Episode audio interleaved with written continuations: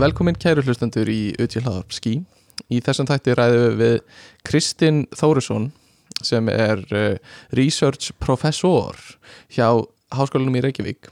Og við spjöllum við hann um, um hérna róbóta eða Já. þjarka, vélmenni. Uh, en við komum líka svolítið mikið inn á gerfigreind og hérna kannski svolítið á svona annan hátt heldur en gerfigreindar þátturinn sem við tókum upp já, kannski meira svona heimsbyggi í vaff í þessu. Í rauninni og sko. veltum upp alls konar stórum pælingum. Algjörlega allt sko. frá hvað er það að vera til til roboturix og allt þar á milli. Já, svona meðvitund Já, kannski upp í robotariksugur Já. um, fýtt skali, tölum um, um skala og róf oftar en einu sinni líka. Já, við gerum það. Og hérna, mér fannst þetta virkilega skemmtilegu þáttur og hérna snertum á á svona praktiskum hliðum robóta og hérna og huglægum hliðum hérna, Já, og líka bara gaman að heyra sögunans Kristins, já, bara hvernig hann var í bandaríkanum, vann hjá NASA Lego, var hjá MIT og, og alls konar reynsla sko, Já. bara mjög gaman að heyra. Fjölbreyttu bakgrunnur sko. Þannig að, að hérna, ég vona bara að þið njótið þess að hlusta á jafn mikið og ég nautið þess að, að spjalla um þetta. Þetta var, mér finnst það alltaf ógislega gaman að tala um svona hluti. Já, og hérna og, þetta var ekki ekki og uh, við segjum bara gjörðu þessu vel. Velkomin til okkar Kristinn Þórisson að spjalla við okkur um uh, robóta og hérna ég er mjög spenntur fyrir þessu þætti og skrifaði svona þétt og gott uh, handrit fyrir hann eða svona, svona punta sem við ætlum að, að dýfa okkur í og hérna ræða. Uh, gaman að fá þig. Já, takk fyrir að bjóða mér. Og hérna Er þú það ert að kalla það Kristinn eða Kristinn? Já, mjög gott. glæsilegt. Og hérna ég sé á LinkedIn þá ertu full research professor at uh, University of Rey- Reykjavík University. Þannig að, að hérna ég er uh, kollegiðinn þar í, í Reykjavík University. Í dag? Já, í dag. Og hérna uh, við fengum þið til að koma hérna og, og ræða við okkur. Um, það væri gaman að byrja að heyra bara aðeins frá þér svona hver þinn bakgrunnur er og kannski hver svona þín helstu svona topic eru eða viðfangsefni eru í rannsóknum hjá þér? Já, ég, ég hef nú uh, farið um víðan völl, sko, en ekki kannski eins víðan og margir, því að ég fekk strax áhuga á, á vélmennum Mhm. þegar ég var bara gutti. Já, og áður en ég fór í mútur. ok. Og á hvað, hvaða stíi voru svona vélmenni sem þú varst að skoða þá? Það voru bara framtíða vélmenni, sko. Já, þetta var Já. svona sci-fi þá meira Já, eða- já, þetta var bara í sjöunni, þannig að það var, það, það var ekki einu sinni sko það var ekki ennþá komin versmiða þar sem voru bara vélminni Nei, Nei, nei, nei, einmitt. En það, það var nú ekki löngu síðar samt. Nei, þetta var ennþá svona Ford hérna framleyslu línum einhverjum. Já, einmitt en, en nú er tíðin önnur eins og við kannski tölum um að eftir.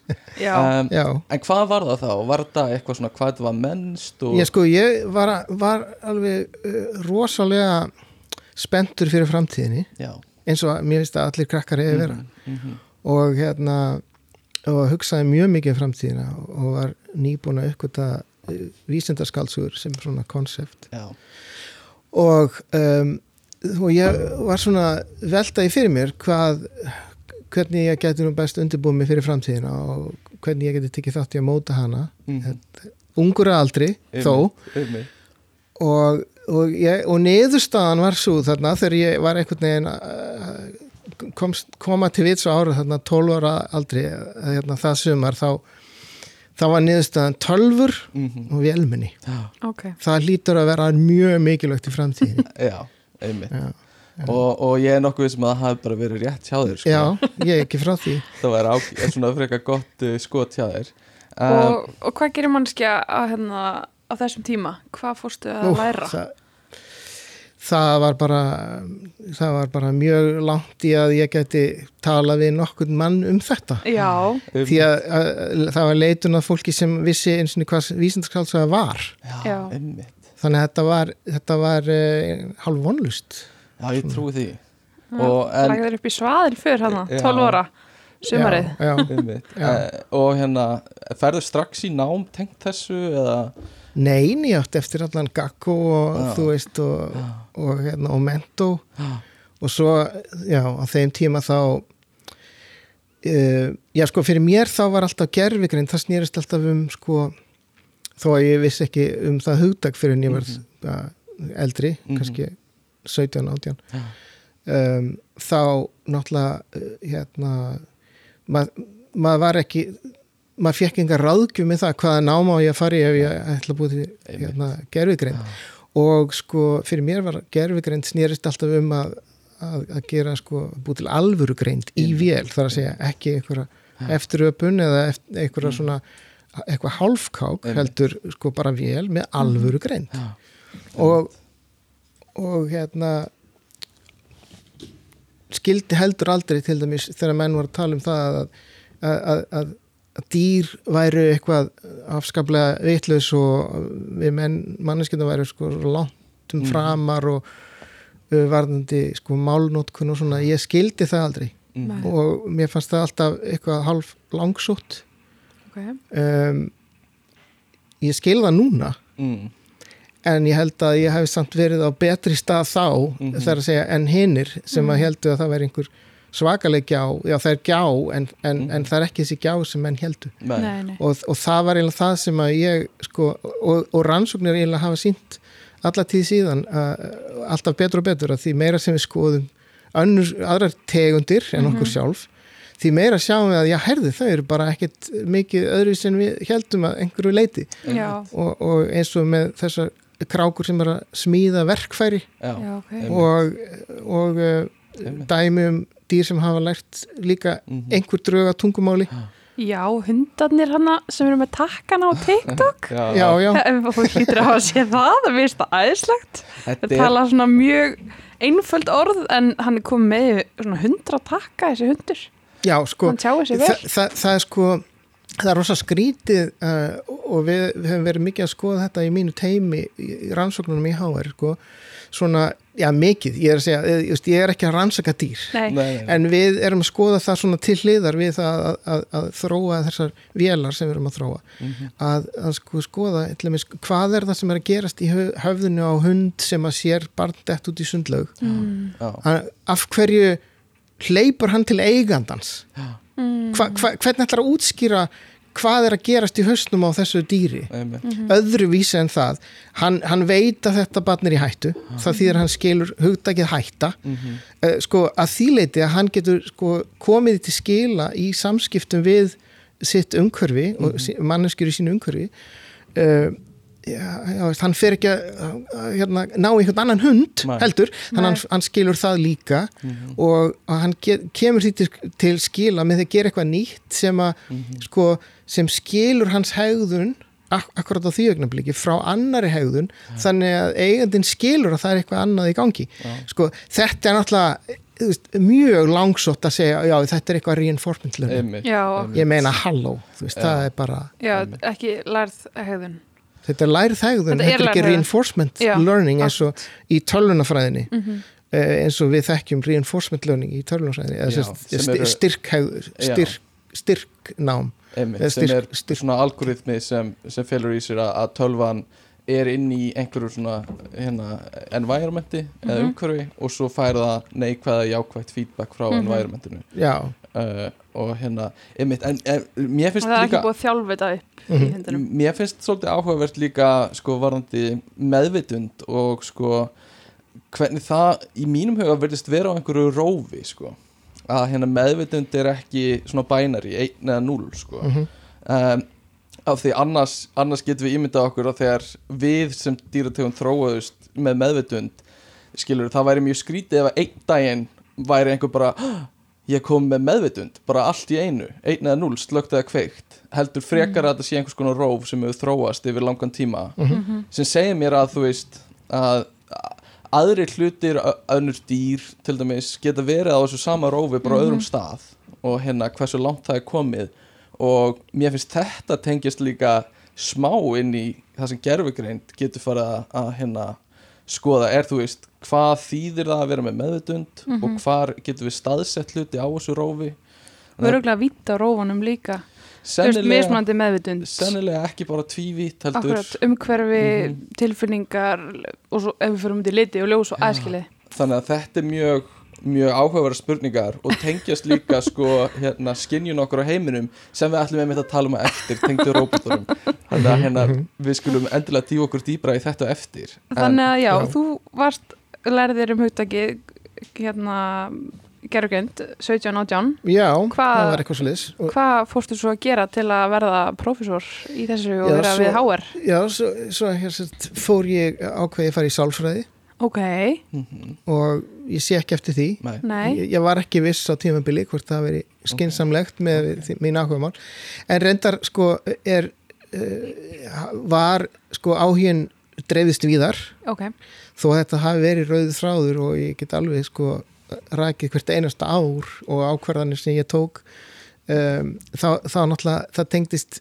hérna kannski uh, víðara víðara áhuga eins og til dæmis áhuga á meðdund einmitt. Um, og, og já uh, tækni líka var svona þannig að tölunafræðin tókaði í mig og ég, ég tók alla tölunafræði kursa sem ég gætt Ok. líka sko og varstu þá í sálfræðinni í ég var í HÍ? sálfræði HÍ Já. uh, tók nokkra tölunafræði kursa um, en fór síðan út uh, í mastersnám í bandaríkjunum Ok. í það sem kallast uh, uh, Engineering Psychology uh, sem er raunni sko uh, sem er raunni sko hegðunar tæknifræði segja eða einhvers konar uh, uh, útgáfa af, af sko eða sam, samsuða af verkfræði og sálfræði Mhm. Hvað er það kent?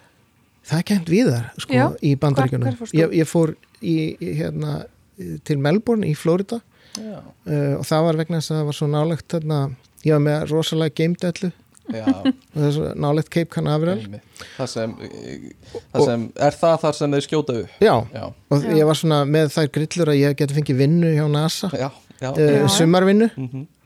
Um að og, og svo þegar fór að draga nær þarna fyrsta sumrunu sko þá var mér sagt að það væri þeir réðu ekki uh, útlendinga. Einmitt. Ah, og þá, vá, ég um, það ekki. og þá, hérna, ég þrjóskast við ég, ég vildi ekki trúa þessu ég, Mm. ég, veist, þetta, þetta er svona regla en samt, mér fannst það einhvern veginn þannig að ég sótt ekki um neinar aðra vinnur og var bara áfram, einhvern veginn að þrjóskast við að býða eftir einhverju tækifæri með einhverjum uh, bóðum kannski. Og þá það gerðist að það var hérna um, vísindamæður í, í hérna, Virginíu sem var að vinna fyrir NASA í hérna í Goddard Space Flight Center Já. sem, sem hérna sem ráðgjafi, hann var að leita að sumarstarfsmanni, Ok, Nú, þannig ég vann hjá NASA þetta sumar, bara á öðrum stað. Já, ok. Og hérna já, það var alveg ótrúleg sko, hérna upplifin að fá, fá að ganga þarna bara inn í sko, Goddard er eiginlega miklu flottara sendir heldur en, ok, heldur en hérna, Cape Canaveral sko. með fullta rannsóknarstofum og, og hérna þróun. Þannig að ég var að vinna í vélmennum þetta sumar. Já, þú byrjaðir þar í vélmennum þá eða? Það var svona eiginlega fyrsta alvöru svona, já, snertingin Mhm. við vélmenni. Ég var alltaf búin að vera í svona hobbymálum og alls konar sko. En. Hvað er í gangi hjá NASA á þessum tíma? Þetta er sko, það er náttúrulega málið er að, að sko, maður sér bara veist, 3% af því sem NASA er að gera. Það, þú veist, það er sem er sýnilegt. Mhm. Þú veist, þannig að þarna voru þeir til dæmis með tvo risastóra arma, Mhm. svona eh, sjö frelsisgráðu arma Mhm. sem voru, sem voru fest, festir á svona risastaur Mhm. með svona blikkljós í kringa því að þetta var svo hættulegt og þeir voru að þróa sko hérna uh, fjárstýringuna fyrir, fyrir armana þannig að þú gast sko stýrt Einmitt. örmunum með þínum Já. eigin örmum. Já, Já, og sjö frelsisgráðu því það ekki bara að geta færst í rauninni með mörg horn þar sem þau geta byggst um og geta færst í rauninni í margar svona einhvern veginn. Ég, það, það voru bara, þetta var sagt, eh, sem sagt, þá fjárstýrð í rauninni, fjárstýrðir armar. Og það var, það var, þetta var þetta voru flestu frelsisgráðuna sem hægt var að fá á þessum Já, tíma ok. sko. Í er eins og maður sér fyrir sér eins og maður sér í bíómyndum og teiknumyndum einhver fer inn í eitthvað svona og er það með hendurnar einhvern veginn, já, Já, nema þarna varstu sko beint á móti þannig að þetta var Já. sko þetta var ekki, ekki speilmynd nei heldur var þetta í rauninni öfugt Já. þannig að snýr öfugt Já, og hérna uh, og ég, þeir leiðu mér að setjast niður með þessa græðu einu sinni Vá, og, og, geggjað. þú veist, og þeir voru þeir göftu yfir því hva- hvað ég var góður að stjórna örmunum öfugt í fyrsta sinn já Nei. og Ég að að fylgjast með þessu já, ég veit ekki hvað það var en það var og sk- sko, Ertu örfendur? mér, tó- nei, mér tókst einhvern veginn að, að, að, að snúa þessi í hausnum á mér þannig að ég Já. sneri öfugt mm. þannig að, já, ég veit ekki, þetta var bara svona eitthvað augnablík sem að ég bara, Já, ég hugsaði, heyrði, nú ég, ég held ég veiti hvernig ég fyrir að þessu ah, fari að þessu og þá, hérna og það bara gekk upp, þau eru bara, ha, ertu búin að gera þetta áður? Og hérna, já, ég er að- óglemanlegt alveg óglemanlegt Ég get ímyndið mér að þetta sé svolítið eins og að vera komin bara á algjört cutting edge í, í tækna Ég, þessum tíma. ég menna, já, ég bara bara geggja þú veist, 25 ára gutti, þú veist, ég bara nýskriðin út úr hérna, fóreldrahúsum líka. Að Það hefur verið mjög, mjög góð upplifun það var alveg meira átt sko. og svo hefur það haldið áfram eitthvað eftir þetta og, og hvað gerist svo? já, já, en síðan sko, þegar ég hérna var hann í námi í bandaríkjunum og þá frétti maður ímislegt sem að og það var meðal annars, komst ég að því að það var hérna, rannsóknarsettur í MIT sem að Mm -hmm.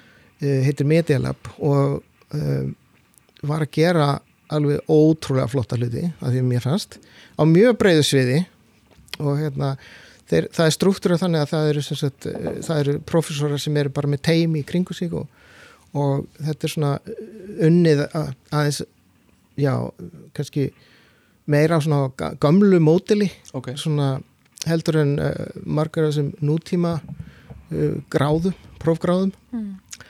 og prógramum. Og, og hérna uh, þannig ég, ég fann mér þarna hóp sem að mér fannst ég passa alveg inn í og sótti um hann fór í heimsók til, til Mhm. Boston. Já. uh, hitti þá hópin og professorinn og, svona rannsóknar hóp já, já. og svo bara held ég að veist, ég menna, ég kemst ekki inn um í sækjum, það var, það var mantran mín. Einmitt, einmitt. allir bara svona, heyrðu, hva, hvert þú spá maður, sækjum ég maður tí, þú kemst ekki inn þar. Já, ég kemst allavega ekki um ef ég sækja ekki um það er en svo bara komst ég inn. Og hérna um, og það var annars, annars svona alveg ótrúlega upplifin sko. mhm, mhm.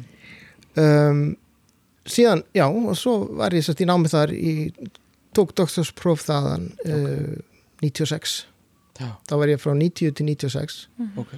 Sem þykir nú svona frekar langt en þar sem ég var kannski ekki með alveg eins mikinn bakgrunn, forritunar bakgrunn og, skil. og svona hugbúna bakgrunn og svona Mhm. þá þurfti ég aðeins að vinna mig upp. Já, Já, og sveginleikin var þarna til staðar. Mhm, þannig að ég nýtti mér hann bara. Já, og já, er ekki líka dóttorsnámið bara mis, mjög mislánt það er mjög mislant sko. Þetta er ekki bara að- ofta skriði upp einhverja ártíu og eitthvað? Já, En kannski ekki svona gerist- prógramum en svona í Nei, það er misjátt sko í bandaríkjunum þá er, er, það er hérna kannski frekar í Evrópu sem Já. að það eru svona prógram sem að Já. það sem að hérna er ekki hugsað um sko gráðuna sem að þú fáið stuðning til þess að klára gráðu heldur meira eins og við setjum ljón í veginn fyrir þig og þú þarft að sanna að þú komist þú getur unnið á þeim. Já, Já. já, og það, það er svona öðru sér viðhorf sko. Með sér líka núna er margir að taka master og doktor saman Já, í bandaríkjunum, Ok. það sér það svolítið. Já, það rennir saman. Já, Já. að fólk er að sækjum og þá þarf það að taka bæði. Já, já, já. og öruglega þá líka þannig að fólk sé En það er allur gangur að því sko og það er það mjög, mismunandi. já, það, það er hérna uh, maður þarf bara að leita vel og finna sér, þetta er náttúrulega ekkert, þetta er algjör stjók núna eftir að allir á netinu. Já. en hérna, þetta var mjög flókið hérna á sínum tíma sko, fyrir, En þá kannski öðruvísi fjöldi umsókna ef það er ekki þú veist, einhvern veginn eins aðgengilegt fyrir alla. Já.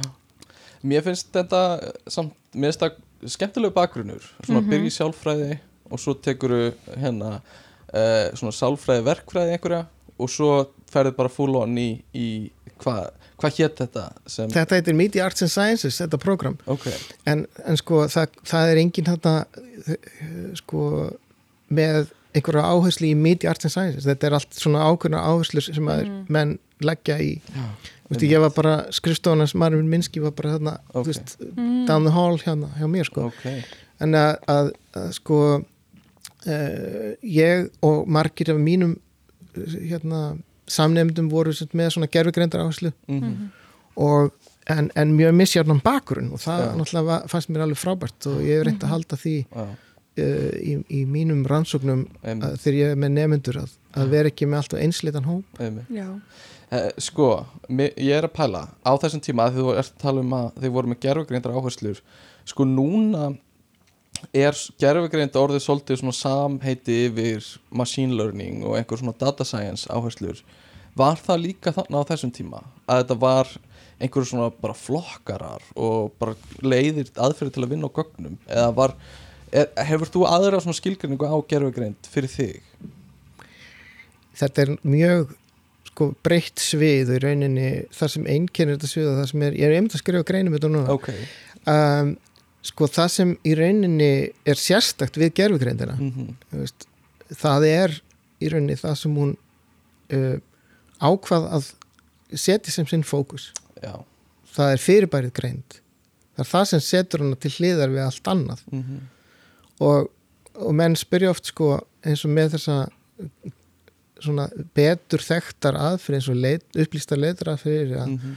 Eða machine learning og svona, akkur er þetta ekki bara tölnafræði, akkur þarf að gefa sér sérst heiti? Já.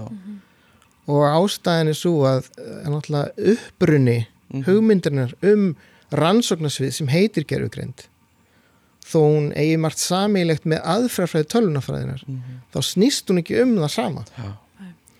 Og þannig að sko þegar menn hugsa sko já nú er gerfugrindin komið svo langt að því að við erum, það er komin 70 ár síðan hún var stopnuð sem svið en það er rauninni bara blá byrjunin. Sko það, það, eru rauninni það er algjör miskilningur að við séum komið svo langt. Já. Við erum eiginlega komið svo skamt Mhm. að við erum ennþá í rauninni bara í bara í byrjunarsporunum. Og, og þess vegna eh, finnst mörgum mjög skríti að ég menna þessi flokkarar og, og svona þetta, er þetta alvöru grind og ég fæ oft þessa spurningu. Um, það fyrir eftir hvað maður setur sér sem markmið. Mm. en, en þessi gerfugrind sem, sagt, sem að í rauninni köllu, þessi tækni sem við köllum gerfugrind í dag hún kom út úr rannsóknum sem að köllu þessi gerfugrindar rannsóknir. Já. Og það er ástæðan fyrir hún er kölluð gerfugrind mm. Gerfugrindar tækni já. En um, það, það, það þýðir ekki það að nú séum við búin. Nei nei einmitt. Af því að sko þetta er bara svona þetta er bara eins og, eins og, eins og eðlisfræði eða, eða hvaða annað svið sem er líffræði. Mhm. Þa, það er uh, af nóg að taka. Já og það er fleiri fyrðu fyrirbæri í heiminum heldur en fólk Já. og uh, fleiri en 8 miljard uh, hérna fyrðu fyrirbæri í líffræði mm. e- og í, hérna, í sálfræði og í náttúrinu og svo framvegis um, og, og það er náttúrulega bara pínulítið brota þessum 8 miljardum á plánutinu sem er ekki stundar rannsóknir Nei. þannig að þú veist, ef við segjum 1 til 2 til 3 verkefni á hérna, hvern rannsakanda þá er þetta samt sem aður alveg er rosalega hérna, mm. hallar undan fæti Mhm. uh, þannig að sko það skiptir verulega máli hvað við eðum tímanum í og, en svo er líka sko oft gleyma menn að segja veist uh, hv- hver er aðal sko uh, fókus rannsóknana Mhm. ef, ef fókus rannsóknana er í rauninni að, að bæta einhver kerfi sem þegar eru til Mhm. þá er maður kannski ekki að skoða einhver grundvallar fyrirbæri eins og greind nei sem er aldrei langt í land með að við skiljum al, almennilega mjög langt held ég sko Já, við getum talað um það eins betur eftir já. en hérna um, og uh, já og, og, og þetta er svona uh, það, það er allavega ein vít sem er sagt sko teória versus hérna, uh, hagnýting Mhm. úrt með, með annars vegar sko spekulasjónir Mhm. og það, það, tegir sér alveg yfir í heimsbyggina Já. auðveldlega, ennþá já sérstaklega að þú ert farin að tala um sko meðvutund Mhm. Já. þá ertu alveg komin yfir heimsbyggina Mhm. og, og mér finnst það ekki tímabært í rauninni sem vísindamaður Nei. ok, uh, öðrum finnst það og eru Mhm. þar um, ég hef eitt allum tíma í svona, uh, ég hef alveg meira í mínum frítíma og námstíma kannski í að spá, spá í meðvutund og svona en á, uh, á einhverjum tíambóti þá, þá lögst þau fyrir mér að í rauninni ef maður ætlar að ná einhverjum sko eina af ástæðum fyrir ég fór í gerfigreind og ákvaða að gera það sem aðalfókus var ég skoðaði allt sem ég hafði áhuga á allt sem ég geti, geti hugsanlega farið eða tímanum í og, og hugsaði ok, hvar er, er mestu líkandar að hafa alveg gífurlega áhrif á, á minni æfi já. Þannig að ég sjá eitthvað gerast já. eitthvað spennandi, eitthvað skemmtilegt og eitthvað sem ég geti haft, haft að, hérna, eitthvað að segja um Já. uh, af þeim áhugamálum og, og, hérna, og það tegði sér alveg úr listum yfir í vísindi annað. Og þannig að gerfugreindin, mér fannst það svona einhvern veginn alveg liggja vel fyrir sko, og vera mjög spennandi. Einmitt. Þannig að, að þegar menn að tala um sko, hérna, hvað er og er ekki gerfugreind Mhm. þá er það ofta að ruggla saman sko, teóriunni og, og hagnýtingunni. 100% Já. Svo náttúrulega lang mest af þeim greinum og þeim fréttum sem við erum að sjá í dag þeir snúast um hagnýta gerfugrind akkurat. Og líka kannski svona tengjan, ef fólk skilur hana betur. Þau sem eru bara venlegt fólk kannski skilur það betur heldur um teóriuna Já, ef það sér einhver, e, e, einhver svona afköst og, og sér Mhm. einhverja afurðir. Um, Ég veit ekki, við hérna ættu kannski að reyna að halda áfram en, en hérna langur að skjóta inn einu punkti, þú veist tengdu þessu hérna þessari leit að, greind og, og uh, meðvitund og svona ég held að þetta sé svo erfitt meðal annars vegna þess að við höfum ekki klára skilgreiningu á þessum hugtökum sem eru svona vísindaleg eða svona sem, er, sem eru samþygt allstaðar þannig að við getum verið með eitthvað checkbox sem við erum að búa til gerfigreind með og bara checkar hún upp í öll box með gerfigreind eða meðvitund um, þetta er eins og segir rosa hérna, heimsbyggilegt ennþá Já. og hérna og það er líka bara munum við einhvern tíma að komast á þann stað að við getum fært þetta yfir í uh, svona konkrétt óheimsbyggilegar pælingar sem eru meira meira bara svona hérna, ví- byrtar vísindagreinar eða hvað það er og hérna og, og bara vitum hvað við erum að tala um og allir eru á sömu blasju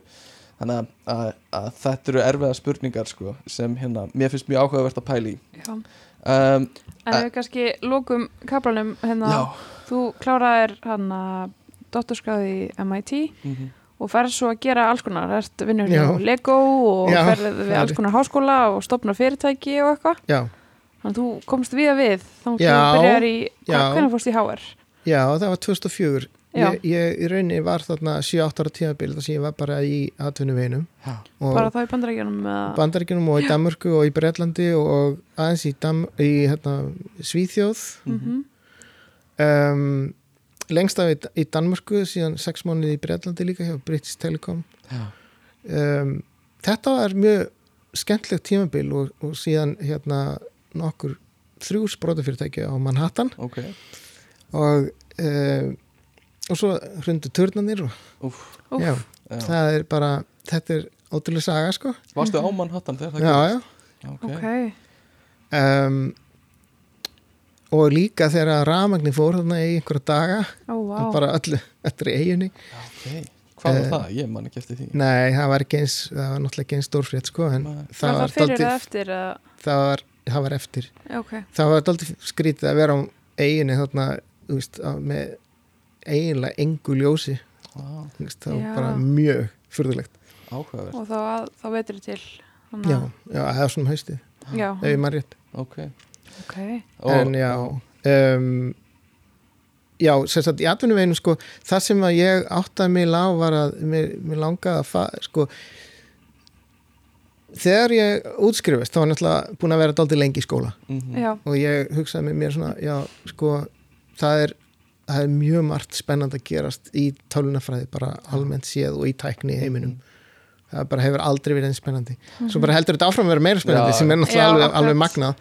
En, en á þessum tíma fyrir þá hugsa ég, 2000, ég þarf ekki endilega að fara í háskóla til þess að gera, gera alveg svona cutting edge dót, Mhm. sko, ég get alveg verið um, ég get alveg farið í atvinnumegin og, og langar til að prófa það. Þannig ég, ég bara hafði þann kost og hérna var alveg, alveg ótrúlega skemmtilegt tímabil sko. En, en, en að fyrsta tilraunin í rauninni, ég hugsaði ok, ef ég fer til Lego það er svona, þeir voru að stopna nýja stafræna deild. Ég hugsaði ok, það er, það er stabilitet sko háskóla umhverfisins mhm, með, með spennu stíi Mhm. atvinnuveris, gæti ekki verið betra. Nei. en svo var því miður bara hérna hvort ekki ránt Ok. Og þeir þurftu að, þeir ákveða að loka deildin eftir 2,5 ár. Ok, og það var bara af allt öðrum ástæðum það var sérst, í, í tvö ári röð þá töpuðu pening það aldrei gæst í sögu Lego. Ó, ok. Já, og hérna algjörlega, hefði ekkert með já, það að gera sko. og hérna þá bara þeir svo hrættir Já. Að, já. Þannig að þannig eitthvað hérna, nýtt fekk ekki rými. Já, bara, heyrðu, við erum fara að til peninga. Ah, þetta bara, er fyrst sem þetta er út, það er svona þróunin.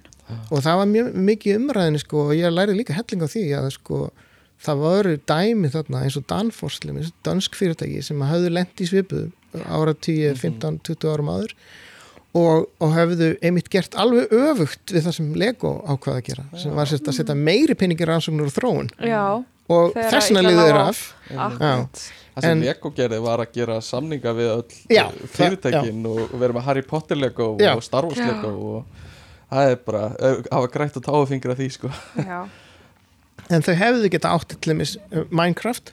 Já, og uh, sko og eitthvað svona Minecraft á styrum sko já, Þú veist, Já, og, það, það er, og það var eitt af því sem við vorum að þróa. Já, þannig að, já, ok. Þannig að það, þetta var veist, það var mjög margt Mhm. spennandi að gerast sem að þeir lokuðu bara, Ok. ákveða að loka bara en já, að, þannig að hérna, já, þetta er nú svona í, í stuttu eða löngumáli eftir Mjög hver góðum dráttum Það var hægt að fara djúpt unni þetta bara Já. allt já, já, En ég held að við ættum að, að drífa okkur áfram, taka stuttar hraðspurningar og uh, bomba svo bara í að tala um, um robota Og máli, vélmenni, robotar. Já, Mhm. þannig að ég ætla bara að, að byggja þig um að, að tæma hugan eins og við Mhm. getum sagt og ekki drétt eða rátt. Nei, Þannig að, að ertu tilbúin? já, Þá ætla ég bara að byrja. Android eða Apple, Apple, útlit eða notagildi, notagildi. Ertu morgun hann eða náttugla, náttúrulega, kaup á netinu eða kaup í personu, netinu, bíómyndir eða þættir. bæði Ef þú getur gert bæði, hvort myndir þú keira eða labba? labba, Hvernig tekur þú kaffið þitt? mjölk, Harðir eða mjúkir jólapakkar? harðir Tölvuleikir eða borðspil? korrekt, Eldamat eða kaupamat? Ef ég fæng til að elda sem kann það þá er það ja, hérna, betri kost Ok. Uh, ég les, get ekki, uh, Lesa bók eða hlusta á bók? lesa. Snjallúr eða heimskúr? korrekt, Taka fund eða senda tölvupóst? post, Uppáhalds podcastið þið. Glæsilegt. Uh, Besta streymisveitan? Spotify, Besta leið til að slaka á? tónlist Gera tónlist. Gera geggja. Tónlist, geggja. Og alveg að vera búið hérna Loku skrifstofa eða opið vinnur í mig hafa það í bland, mm það virka hvort fyrir mig eh, hérna, hvorir öfgarnir virka fyrir mig. Ok uh, Fjöldi skjáa í vinnunni? Tveir, Tveir. Vinna á staðnum eða vinna heima? Bland, Vinna bara fyrirhátti eða bara eftirhátti eftir uh, Og hvort myndur þú ferðast 100 ár fram í tíman eða 1000 ár?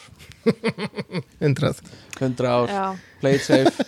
Já, þúsund er alveg klikk Það er það er klikkað sko. Sko, ég meika það ekki. Það er annarkort lendur bara í einhverju eðibörg eða þú ert að lenda í einhverju tilvistastíði sem við bara skiljum ekki sko. Einmitt, Já, einmitt. Skemmtilegt, þetta er alltaf hérna, fyndið að fólk sér Apple og, og notagildi Já, maður vil, sko. alltaf segja það mikar ekki séð. En, en hérna, jú, það- það, það, er mjög, það er eiginlega, það er mjög margir þannig sko. Já, Apple og, og notagildi sko. Já, það er ástæðan fyrir ég er reyna, hérna, streytist á móti hérna og er kannski ástæðan, eina, eina fjölmörgum ástæðan fyrir að Apple lifði af. Því að tímabili þegar allir voru bara ha, all, viltu fá Apple tölu það var hérna í sprótafyrirtækinu já, já, Manhattan sko, það var bara svona hérna, ég vil fá Apple tölu ha, er ekki lægi, þú veist, bara what, Einmitt. ég bara, þú veist, ég vil fá hvað sem virkar. Já, þetta er það sem, það sem Apple fólk segir sko. Það bara virkar. Ertu just ekki. Apple maður, Stefán? Jú, jú, ég er, ég er bara í bland Segir hann sko. fyrir framann Apple tölvunum Ég- er með tölvu með öllum stýrikerfum og, og hérna, já, nokkulega bara allt sko Ég er með fegin sko að hérna, þetta er svona eiginlega búið þessi barátta. Af því Já, að þetta, var, þetta var mjög kvimlitt og það, það er svona sko var mjög mikið fólk, fólk hafði mikla skoðanir aðeins að vera búin að kynna sér hluti. Já. Á þessum tíma. sko. Og ég nota bara ég not, hugsa bara um þetta sem verkfæri sko. Bara það Já. sem ég þarf að nota eitthvað í þá nota ég það og, Já, ég hugsa um þetta svo lífstíl. Já. Uh, sem ég gera það náttúrulega líka. Og um, já, geggjað. Um, Já, versla á netinu, það hefur verið mikið að gera það sístu daga þá. Já, Það er búið að vera Nei, svo er ég líka sko, þú glimtir að spyrja því að ég, hérna, ég vil helst ekki fylgja strömmnum ah, ah, að Ég ég eftir með á móti strömmnum Já, ég var svona daldið á móti eða á ok. ská einhvern veginn svona, ská Já, já, hugsa um hina já. vítina sko. mjög, mjög svona Fleiri vítir í já, strömmnum það er spurning sem ættum að bæta við. Ertu með það á móti strömmnum Það getur já, er það ekki? Jú. Uh, ég sé með þetta orðið krummafót. Þú tekur bara þú bara tekur allt á móti strömmnum Nei, ég er, að grínast uh, En hérna uh, Já. Ég fætist svona uh, hann er ekki erfendur að sagði það. Nei, mitt Hérna, ég held að við ættum að bomba bara í að, ræða Krumfættur velmenni, fæðast krumfættur uh, En hérna vélmenni. Já, velmunni, þau eru hvorki réttend nefnfend Þau eru alhend Já, þetta er, þetta er líka hérna svona núansar við mannlega bara svona mannlega conditionið sko að, að það er til, þú veist, af hverju erum við með örfend fólk eða þú veist, af hverju eru önnur hendur nokkað betri og ef við erum að þróa róbota í framtíðinni er, gag, gag, eða, þú veist, er eitthvað gagn í því að hafa róbotana betra með annari hliðinni? Uh, svona maður spyr sig að því, Já, að því kannski við höfum- þróast þeir óvast svoleiðis. Já, já, ég meina við höfum þróast þannig. Og það er einhver ástæða fyrir því að mannkynið hefur þróast með aðra hliðina einhvern veginn betri sem eru svo svona skrítið. Mhm. Já, um, þannig að, að ættum við að hafa veist, þróa vélmennin í okkar mynd en ég held að við ættum að byrja bara á stað sem er, þú veist, hvað finnst þér um þessi orð yfir þessi fyrirbæri? Vélmenni þjarkar, róbótar um, finnst þér þetta lýsandi? Er vélmenni þú veist, það er ekkert öll vélmenni menni eða mennsk? Um, hver er munurinn að velmenni að tölvu? já, þetta er svona kannski skilgreiningaradrið hjá okkur í staði fyrir að nota orðið róbóta. Uh, hefur skoðanir á hvað þú, hvað þér finnst betra að nota? Já, já, ég, ég hef alveg skoðan því, það sem ég finnst að þetta vera ok, því að svona, svona praktikinn sko. Já, um, sko roboti er bara tökvor sem er mjög veist fínt og við ættum bara að gera okkar eigin. Það, það virka bara. Mhm. svona sem yfirheiti. Já. Uh, og, og mér fannst tíðanbili sko vélmenni alveg frábært einmitt fyrir svona humanoid robot. Mannslíkis vélmenni. Mhm. Mm. Uh, eða hérna, robot segja Mhm. og, og þannig að vélmenni einhvern veginn nær því að þú ert með svona uh, mennst útlit Mhm. að einhverju leiti Mhm. og þjarki, já, það er bara frábært orð fyrir þessa vélar sem er að setja saman bíla og Mhm. eru svona daldið sérhæfðir og hafa ekkert svona uh, mennst útlit eða er ekki að re- reyna herm eftir neinu nei, sko, úr náttúrunni. Nei. Akkurat. En svo finnst mér svona bara pragmatist séð þá er fólk alveg að nota þetta sitt á hvað? Algjörlega. Og það, ég, það er bara allt í lægi sko. Já. þá, ef, ef, ef það þarf eitthvað að taka fram nákvæmlega hvað hvaða tí, típa vélminni þá, þá hérna, eða robot já, þá, þú veist, þá bara gera með það. Einmitt. Já, akkurat. Sko, þetta er þetta er eins og þú varst að tala um uh, byrjar svolítið sem sci-fi og þá svona mennsk vélmenni og vélar að með hugsun og eins og hérna HAL 3000 eða eitthvað úr hana 2000, 2001 Space Odyssey. Og þú veist, það er svona ákveðin típa af einhverju svona gerfigreind slass vélmenni að því að það partur af skipinu. Og, og hérna en hérna, maður, ég, ég spyr mig þú veist, af hverju er þetta ekki komið lengra? Og Mhm. hvað er það í þróun vélmenna og róbóta sem er að halda aftur af því að við séum ekki bara komin til tunglsins með þróunina. Um, þannig að, að hérna já, ég kannski spyr þig að þú hefur einhverja pælingar, þú veist, er það er það bara, þú veist, vöðvasýstemið sem það er að vinna með eða er það, er það hugbúnaðurinn, hardverið hvað hérna? Góð spurning. Mm. ég er alveg sammálaður sko. Uh, mér finnst skringilegt. Sko þegar, þegar ég var þarna uh, ungur að aldri þá þá held ég að, að þá lang, langaði strax sko ákvað það strax að þetta væri sviðið sem ég langaði að vinna á. Já. en ég var sannfærður um það að það væri búið að leysa allt þegar ég er þið tvítugur. Ná, já, Mm. nákvæmlega. Það er dálítið langt síðan ég var tvítugur segja þér. Mhm. um, þetta er uh, ég er með nokkur svör við þessu sem að kannski munu uh, fólk mun furða sjá Ok, skortur og ímyndunarafli. Ok það er bara eiginlega ekki fyrir nýlega sem að allir fóru að taka þátt í því að ímynda sér uh, hvað væri hægt að gera með gerfugreind og hvað uh, kæmi næst Mhm. en á, á, sko, fyrir tíu árum síðan og það er ekki lengur en tíu ár síðan þá um, ef þú vildir sko losaði einhvern leiðandi gaur í partí og hann spurði hvað, hvað gerir þá sagður gerfugreind nú er það alveg öfugt Já. Já, maður verður að passa sig. Algjörlega, sko. Ég tengi alveg við það, sko. Það virkar að segja ég vinn hjá Reykjavík Work. Fólk er bara Ok, ok, bye. Bye. The number one drink, bless. Og hérna þannig að ég held að það sé stór partur af þessu. Ok, það er í rauninni uh, sem sagt uh, vantrú þá eh, ef að menn, ef að menn sérst, komast yfir, yfir höfuð í þannig aðstöður að, að leiða hugan að þessu að þá er það vantrú á þetta sé hægt va- og síðan vantrú á þetta sé hérna, hérna, þess virði. Já, en það er stærra, ennþá stærra og var og er held ég ennþá stærra vandamál að menn eru, eru bara í rauninni ekkert að leiða hugan að þessu. Mhm, uh, en sérstaklega þá áður fyrr. Nú, nú er náttúrulega, við erum að upplifa alltaf næsta fasa í gerfugreind mhm, um, og síðan er það hitt að þessir stóru háskólar náttúrulega bandaríkinn búin að leiða þetta mjög mikið, þetta svið. Já. og menn hugsa, já, og það er búið að vera rosa mikið að rannsóknum síðustu 70 árin, nei. Það er bara eiginlega ekki fyrir, já, fyrir 10 árum síðan þegar fyrirtekin fór að taka þátt í þessu. Já, og ég er nú ýmislegt að segja um það en allavega ef við tölum um, um þess, þessa spurningu sko, að, að, sem er mjög góð spurning. Mhm og ég held hún sko gild ekki bara, ég held að svarið gild ekki bara um þetta svið. Nei, en, en, en hérna, þetta er það sem ég þekki.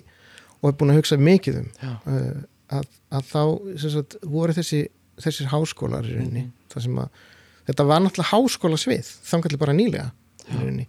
Auðvitað og var stöku sinnum einhver fyrirtæki og, Mhm. og, og það komu svona sveiplur og hérna, að fyrirtæki voru að reyna fyrir sér og svona lang, lang flest ekki öll af þeim fóru hausinn. Já, Mm. Meðal annars mitt á Manhattan. Mhm, Já. uh, og hérna já, ekki það sem ég stofnaði, það sem ég stofnaði var selt en, en það, þarna, það sem ég var ráðin inn í fyrst þegar ástæðan fyrir við fluttum til Manhattan.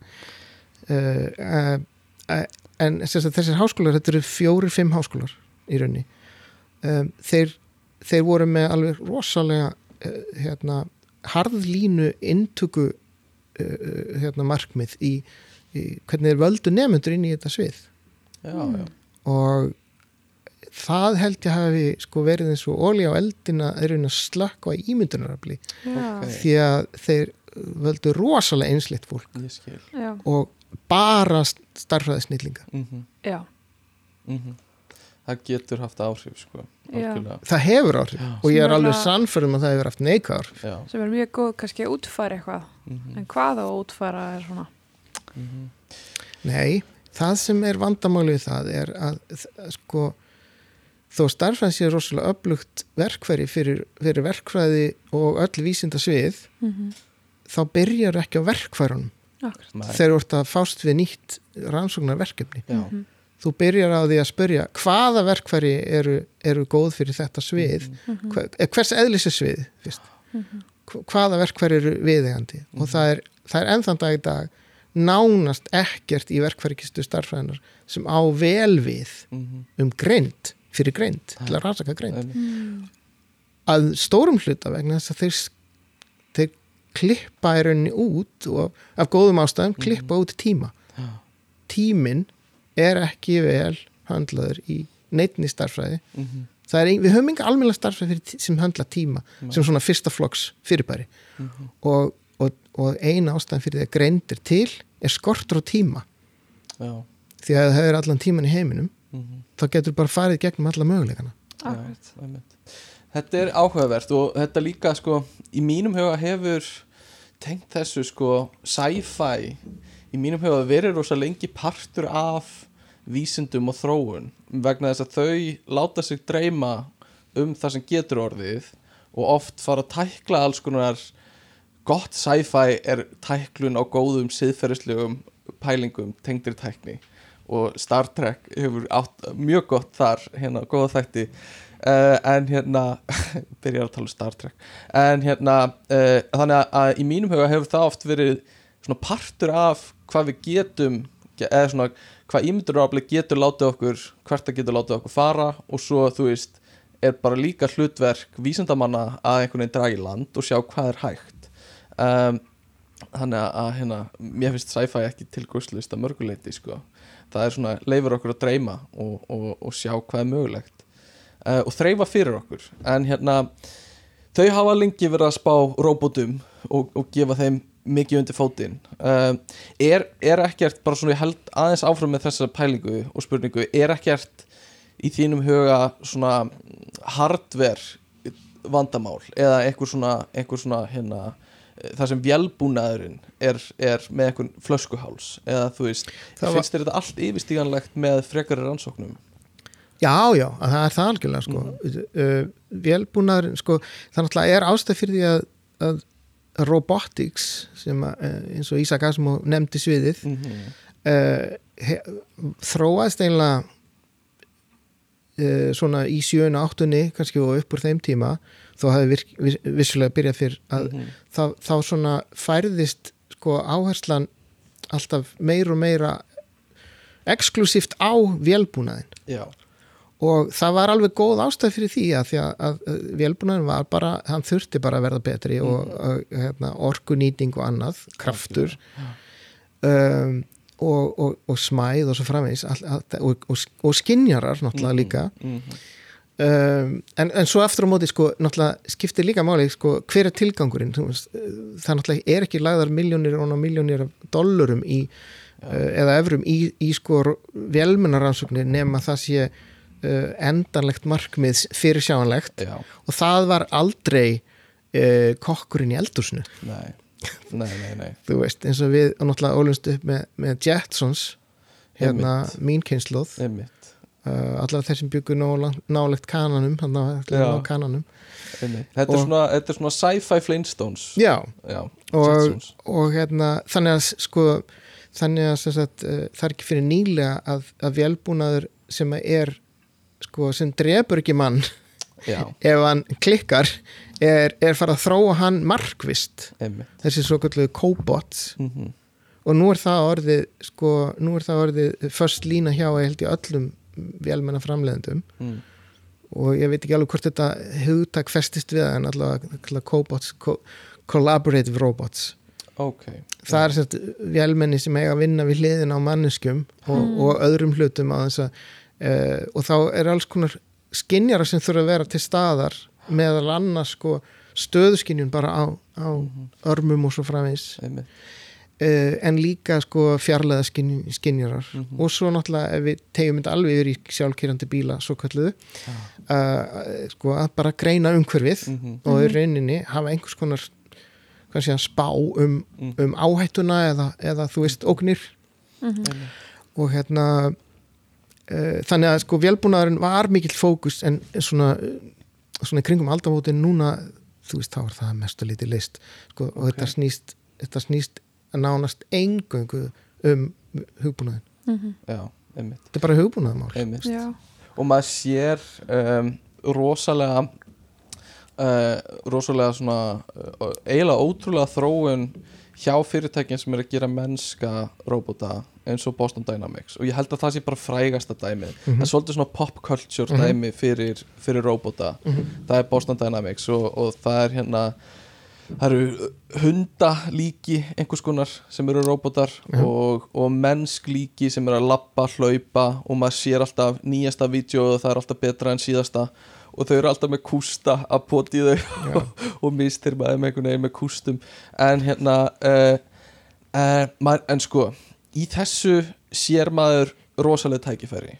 Og uh, maður velti líka fyrir sér verður þetta og hvenar mun það gerast að þetta komi í praktík fyrir uh, bara venjulegt fólk?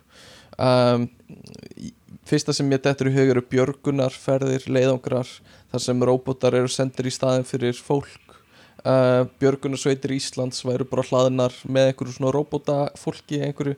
Um, þannig að, hérna heldur við séum að fara þú veist, er þetta komið á svona sirka þann stað að við getum fara að ræða þetta að róbótar fari svona að þjónust okkur og gera eitthvað fyrir okkur í alvörunni. Við getum fara að ræða það. Það er hins vegar 10-20 ár þangað til að sko hugbúnaðurinn nær þeim, þeim stað, ég held að hann þurfa að vera það er ákveðin svona grundvallar uh, tækni sem þarf og færni sem við þurfum að ná á framlýslu hugbúnaðurins Mhm. sem, sem þetta krefst til þess að, að, að þetta getur sko, farið að springa út segja. Mhm. og það náttúrulega er mjög gaman að bera þetta saman við ríksuguróbota því að það er Já. náttúrulega uh, þekkja allir nú Mhm. orðið Já.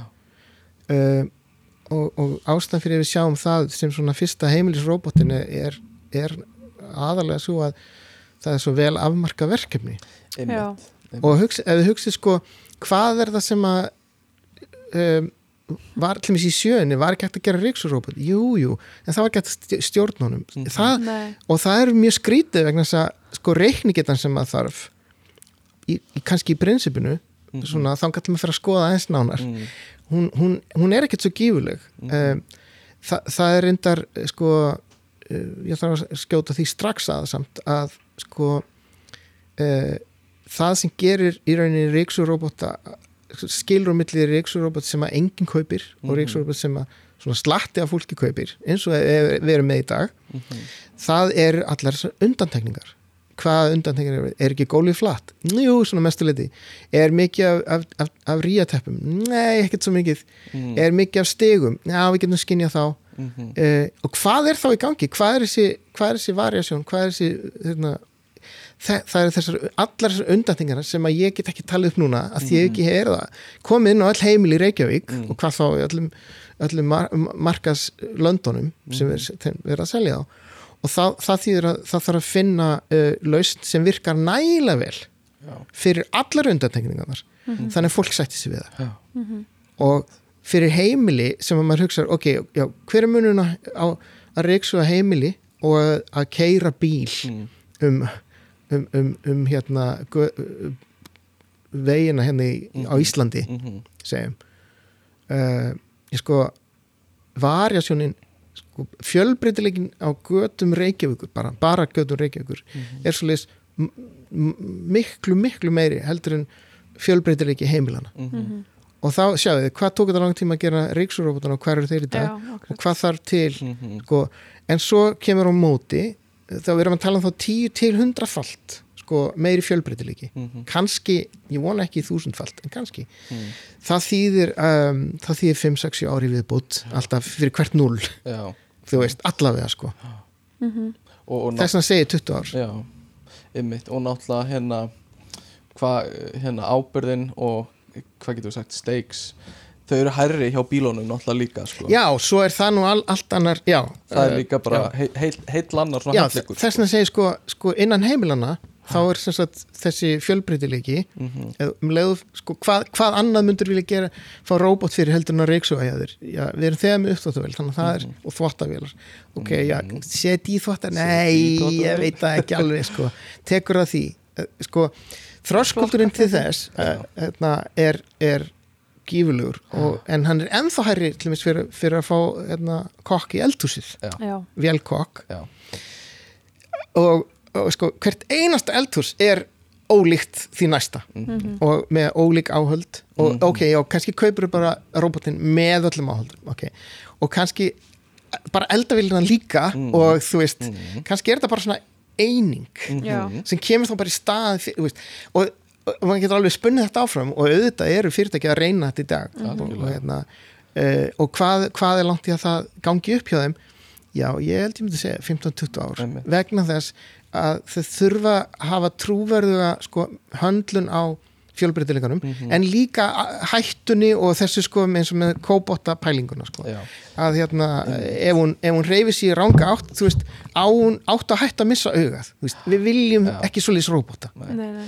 Þetta er svo áhugavert. Ég er með svo marga follow up á þetta sko. En haldið að eitthvað með þú veist, þróunina á þessu hafi með það að gera hversu tilbúið fólk er? Eða mun það bara verða tilbúið fyrir það sem að er þróað Ég sko, það er tilbúið fyrir ákveðu verð. Mm og það sem nágreinu gerir. Já, Og það er svolítið oft þannig ja, sko, Já. það er bara tvö ár síðan ég fekk ríksurróbot mm, og ég þarf aldrei að segja henni frá því, sko, Mm. að ég væri ekki með ríksurróbot.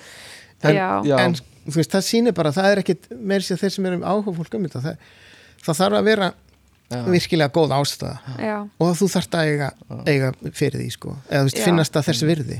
Og kannski Ríksjörubot virkja ekkert endilega fyrir en allir voru konum með allsíma og gáttu stjórnaði sko. Þa, það er svona einmitt það, sko. mjög gott dæmi um einmitt svona þessa uh, þess, þessi samlegar áhrif sem að þú veist, tæknin sem verða oft Mhm. og er erfitt að sjá fyrir já, akkurat, Einmitt. kannski kom ekki fyrra því að var engin þú veist að kaupa tölvu með og þá er þetta bara óksla dýrt já, þetta er góð punktur líka að, að tæknin einhvern veginn uh, það sprettur upp einhvern veginn svona suðupottur af réttum uh, aðstæðum til að Mhm. ákveðin tækni nái að blómstra og, og eins og þú segir erfitt að spá fyrir um það af því þetta er svo gífurlega svona greina margt tríu Mhm. sem Já. sprettur í allar áttir og svo allt í einu saminast það um, sko, uh, til þess að svona fókusa aðeins á, á hérna það sem við vorum að segja er hérna þessi kóbótar og uh, Getur þetta ekki dæmið um eitthvað cobot? Hvað svona, er svona ég skil hvernig það virkar en svona fyrir fólk að sjá fyrir sér eitthvað sem að er Já, sko, það eru til uh, já, meðal annars stopnandi iRobot, hérna, Rodney Brooks stopnaði fyrirtæki sem fór á hausin í fyrra um, sem að hérna, kallaðist Rethink Robotics og hann var einn af þeim fyrstu sem til að ríða vaðið með svona uh, velmenna arm fyrir sko, fyrir lítil fyrirtæki, fyrir smá fyrirtæki og, og uh, hvað þýð það? Já, sem sagt, það er ekki teimi verkfræðinga, það er ekki, það er ekki þú veist, forritar á fyrstum launum, þú veist, allt þetta uh, og hvað gerir þessi armur? Jú, þú getur kent honum að, að, að setja í kassa, getur kent honum að Já. pakka inn, þú getur kent honum að, að sortira og, Já. og svona og hvernig kennur hann það? það þú situr ekki forritar heldur þess að þú, þú reyfir armin í, þú færir armin til Já. og sýnir honum með sýnidæmi mhm, og svo er hann alltaf bara, er hann að fara á sama hraða eins og einhver vélminni frá ABB? Nei. Hann er kannski á tífalt til hundrafalt hægari hraða. En er hann, er hann þess verið fyrir lítil fyrirtæki? Já, mögulega. Fyrir ræðara mannskjöf já, þeim tókst ekki að halda lífi í þessu fyrirtæki en allavega, já, já sko, hann, hann, hann hérna, sko, það er nánast gefið að ef þú þarft að flokka hluti í einhverja kassa og eitthvað og að pakka einhver inn, þá mun hann borga sig upp. Mhm, kannski á tveimur árum eða jafnvel einu ári. Mhm. uh, held að verða þessum hafi verið 50.000 dólarar í maðagjálfi uh, 60.000 dólarar einmitt. sem nú alveg slatti en vist ekki svo, Mhm. Nei, nei, algjörlega. Og þetta þarf að byrja, þetta byrjar einhver staðar. Það byrja einhvers þar og hérna en, en að því við erum að tala um þetta sko að róbótar e, þurfa að vera geta umgengist fólk og mennina án þess að það sé einhver, byrja einhver hætta af þeim eða stafa einhver Já. hætta af þeim og, Mhm. og einhvern veginn við getum lifað í ég veit ekki, sátt og samlindi eða eitthvað svo leiðis mm. uh, sko frægasta dæmið held ég aftur tengt þessu er úr sci-fi og það er bara eins og þú varst að tala um áðan Isaac Asimov sem er e, bara ein, virkasti sci-fi höfundur held ég bara í heiminum ever en hérna uh, hann kom með þessi semast, þrjú lög robotana eða eitthvað svo leiðis og, og þetta er mjög frægt. Og hérna margir hafa þú veist, ein, þú veist vilja meina að þetta sé í alvörunni eitthvað sem við eigum að pæli og hérna þetta eru svona lög sem robotar eiga að vera forritaðir eða skilirtir til að fylgja til þess að skaða ekki neitt eða neitt og hérna svona að lifa uh, góðu lífi einhvern veginn í rauninni. Og hérna er þetta eitthvað sem make a sense fyrir okkur að pæli í alvörunni? Eða er þetta eitthvað sem kemur frekar inn þegar við erum konum með einhvers konar greind og meðvitund? Og þetta er lö- lögin eru, ef ég fyrir yfir þau bara að, og ég ætla bara að lesa þau á ennsku þannig ég sé ekki að, að slangraði yfir eitthvað. A robot, þetta er fyrsta, fyrsta hérna, uh, fyrstu lögin. A robot may not injure a human being or through inaction allow a human being to come to harm. Númer tvö er A robot must obey orders given by human beings except such orders would conflict with the first law. Og þriðja er A robot must protect its own existence as long as such protection does not conflict with the first or second law. Og manni finnst þetta svona að robotar að taka yfir heiminn pælingar einhverjar en Mm. er, er einhver, eitthvað gildi í þessu eða einhver svipuðu fyrir okkur fyrir bara svona hefðbundna robota eða er þetta algjörlega sci-fi um, þetta er ekki algjörlega uh, vísinda skaldskapur mm. Það er hægt að vinna með þetta Mm það er mjög erfitt að vinna með þetta í ljósi nútíma svo kallu velrænt nám Mhm. machine learning tækni -hmm. eins og hún byggir ekki á skýrum reglum Mm -hmm. auðvitað fylgir hún reglum af því að hún er, hún er að framkvæma reikniaðgerðir Mhm. og það er reikniaðgerðir fylgja reglum ef það væri ekki reglur þá myndi við ekki fá neina reglu út af því Já. reglubundna hegðun en það er ekki reglur sem eru skýrar og það er eitt af því sem að einn krafan náttúrulega uh, einmitt eins og þessar, þessir þessar reglugerði sem Evrópusambandi hefur verið að ræða Mhm. og uh, um að, að kröfur um sk- útskýranleika Já, um, að það er ekki hægt að uppfylla með nútíma gerfugrind Og segja. hvað erum við að tala um með útskýranleika? Hérna það er að, að það sé hægt að rekja ef einhver ákvörðin er tekin eða einhver, Mhm. einhver aðgerð er framkvæmt mm til þess að færa arminn í þessa átt á þessum hraða Já, Já, þannig að einhver missir augað Já. að það sé hægt að útskýra af hverju það gerðist þannig að það sé hægt að ganga úr skuggum að það gerist ekki aftur þannig að þetta sé ekki bara svartu kassi það sem Já. kemur bara einhver ákvörðun og við vitum ekkert af hverju það Já. var og um, það er ekki spurningi mínum huga að, að þessi tækni sem er nú, nú er, hún mun taka miklum breytingum mm og hún mun verða nánast óþekkjanleg í, í gerfugrind framtíðarinnar uh, og það mun koma inn önnur tækni sem að er rekjanleg. Já, og það er einhvers konar afsprengi af einfaldari hugmyndum sem menn voru að leika sér með í 6 og 7 mm og, og svona dó eiginlega í áttunni má segja, Já. svona hægum dauða. Uh, það er svo kallu hérna, röksendafæslu kerfi eða re- reasoning systems. Mm um, munurinn er sá að þau kerfi á þeim tíma þau voru handskrifuð og þau lærðu eiginlega ekki neitt. Mm ekkert sem að við munum kalla mm -hmm. vélnám í dag. Mhm.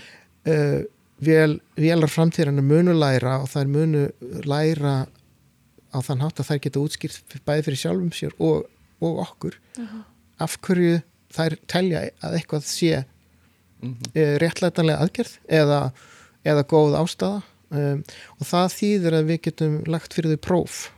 Já, um, þannig að við getum sagt uh, við vélarnar hérna, ímyndar að sért í þessum kringustæðum hvað myndur að gera? Mm og þá segir vélinn eitthvað og þá segir af hverju Mhm. og þá kemur hún með einhver rög og ef það, ef það er einhver rögleisa þá hleypur ekki þeirri vél út úr húsi. Nei, og þannig að við, við eigum að geta gert nákvæmlega sama við vélar framtíðurinnar uh, eins og við uh, hérna, manneskir sem eru farið gegnum ákveðna þjálfun og ákveðna uh, svona hérna uh, uh, hérna, hvað heitir það uh, certification. Já, svona vottun vottun, Já. já, Uh, bara að þú hleypir ekki hverjum sem er inn í flugumstur umferðstjórnaklefa Mhm. og, og það er að sama með þessa vélar og auðvitað eru ákveðin störf kannski uh, uh, me meira uh, hérna, mikilvægur að þessu leiti að að passa upp á heldur en önnur störf Mhm. og önnur hlutverk og það skiptir ekki máli þó að ríksugan, ríksugan tak ekki allar bröðumilsnuna þó þú myndir náttúrulega vilja það helst Mm. um, hún gerir það nánast aldrei en, en svona, maður finnst það ásættanlegt en, uh, en það, það þýr ekki að, sko, að það sé ásættanlegt að, að, að heimilsvélminni sko, geri þrjú af fjórum börnunum blind. Veist, það, veist þetta, eh, þannig að það er, það er ákveðin stig þarna um, á milli, gráskali sem að, sem að hérna, við myndum augljóslega vilja hafa reglur um og svo framvist Mhm. en ég held, að, ég held að það verði ekkert mikið ólíkt í hvernig þjóðfélagi virkar í dag Mhm. þar að segja við erum með þegar lögum hvað má og má ekki og, Já. uh, og, og, og, og sko jú, auðvitað er alltaf eitthvað nýtt eins og persónu upplýsingar eru allt í einu veist, á tölvutæku formi og Mhm. þær eru uh, duplikarar hér og þar Mhm. og svo framvegist og það þarf náttúrulega lögin þurfa að ná utan um það uh, en ég held að sko þessar vélar framtíðurinn sem ég sé fyrir mér og er að vinna í að þróa það er uh, munu vera það munu vera miklu auðveldara að ná böndum utan um þær og, þeirra, og þau hlutverk sem við látum þær í Já. Þetta kemur náttúrulega líka inn á sko máltæknina og hérna einhvern veginn skilningurinn það er sem sagt, máltækni er, er svið tækni, gerfigreindar sem, sem kemur að, að tungumálunu og einhvern veginn skilningi á, á, á textatal og öll, ö, í rauninu öllu sem te- tengist svona samskiptum að miklu leiti um, en, en sko að að, að máltaknin komist á þann stað að við getum nýtt hana þannig að vélar skilji tungumálið og ekki bara að það geti þú veist, ritað upp eins og, eins og þegar þú tala við Siri að hún skilji hvað þú segir heldur að, eða skilji textan heldur að hún skilji hugsunna bak við það og meininguna bak við það og, og hérna það verður svo stórt skref einhvern veginn í mínum huga þegar, þegar vélarnar eru farnar í raunin að skilja hvað við erum að byggjum og geta búið til einhver svona actionplön skilur það er ég, ég er ekki búin að þjálfa vélana sérstaklega á að sækja mjölk fyrir mig en ef ég byrða hann um að sækja glasa mjölk fyrir mig þá áttar hún sig á því hvað er í gangi bak við það og, og, hérna, og getur díla við það. Og þá getur við fara að svona, hérna, færa út hvað þessi skilningur er yfirgripsmikill og, og hérna fært það alltaf lengra. Og ég held að þar komum við inn á þetta að þú veist, það þarf að vera skilningur til staðar fyrir því sem við erum að banna því að gera uh, eins og með lögum eða reglugerðum og, og hérna til þess að það taki eitthvað, hafi eitthvað, eitthvað gildi fyrir okkur. Og skilningur fyrir útskýringunum í, í hérna svona explainable AI eða hérna það, það þarf að vera þess vegna finnst mér máltakni líka svo mikilvæg er að hérna ég held í, í fyrsta lagi það er hægt að færa rauk fyrir því að máltekni sé undirstaðan fyrir almennir gerfugreind sem er, er gerfugreind með meðvutund og hugsun og greind. Það er hægt að færa rauk fyrir því að máltekni sé leiðin okkar ángað að spurning hvort það sé rétt en svo líka bara þessi skilningur sem ég held að sé svo mikilvægur einhvern veginn en líka mjög skeri að, að vélarna skilja hvað við erum að tala um og segja og, og viljum. Um, þannig að, að hérna, hefur þú einhverju skoðun á hvar svona mikilvægi máltækni eða, eða hérna, tungumálsins tengdur róbótum og hérna kannski oft heimilisróbótum en líka bara öllum róbótum sem við byggjum um að gera verkefni? Já, já, ég er með það um, Það hefur kannski ekki verið að skýrast nema svona frekar nýlega kannski síðustu tíu árin í mínum huga svona hvernig þetta tengist og, og tilgátan sem að ég uh, Eh, er svona held mest upp á núna er að, að allt sem, sem manneskjur geta gert og gera og, og, og búa til og, mm -hmm.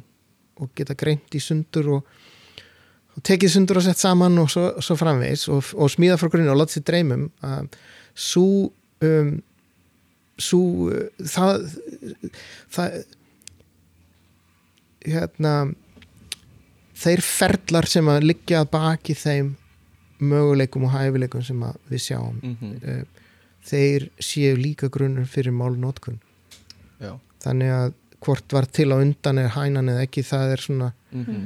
uh, það er meira kannski spurning um uh, það er þróunar fræðileg spurning kannski mm -hmm. sem kemur kannski gerðugrindin ekki svo mikið við. Það er sérst hvernig þetta gerðist í náttúrunni. Einmitt. við erum náttúrulega erum með dæmi um þetta og, og, og hérna og það er rauninni við að reyna að finna út hvernig við virkum. Já, nákvæmlega. Og uh, við getum skoðað sagt, uh, hvernig það er uh, og skoða það frá ymsum hliðum. En, en þetta er svona um, ég held að sagt, málnótkun, hæfileikin til málnótkunar mm og, og hérna tungumáls bara frá aðtilu mm talas og rítas það byggir á sömu hæfileikum eins og gerur okkur klift að smíða armbandsúri eða tölfur eða, mm -hmm. eða forrita eða. Ja. Er, þetta er einhver uh, þetta er einhver svona ekkert rosalega held ég flókin viðbót við það sem er að gerast í höstnum á, á heimilistýrum eins og hundum og höstum mm. ég held að þau dýr séu og, og margir fugglar eins og hérna, uh, hágöggar og, mm -hmm. og rafnar uh, það er bara alltaf að týnast fram fleiri og fleiri dæmi þess að það er mjög ég myndi ekki segja, segja djúb en það er svona, segja, al, svona common sense já, svona, mm. hérna, almenn skinnsemi hjá þessum dýrum mm. sem er uh, mjög sérstöku og hérna einhvern veginn já, uh, miklu nær því sem að mm -hmm.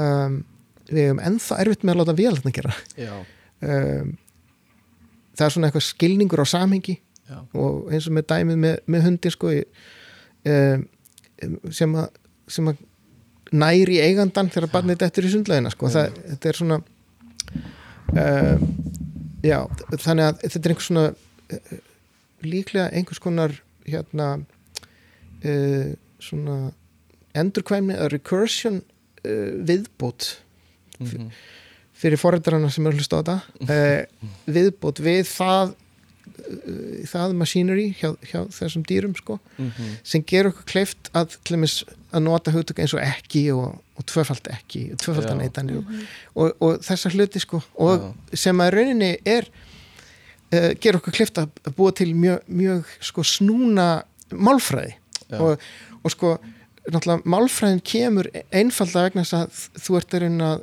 að kóða einhverja hugmynd Mm. í, í, í línulegt form Mhm. af því að tal er línulegt Mhm. uh, og, og hérna þú þarft að einvítt Mm. þannig að það þarf að kóða það einhvern veginn Mhm. og þú byrð, það notar þá þessar, þessar reglur í rauninni um hvað má gera við þessi orð Mm.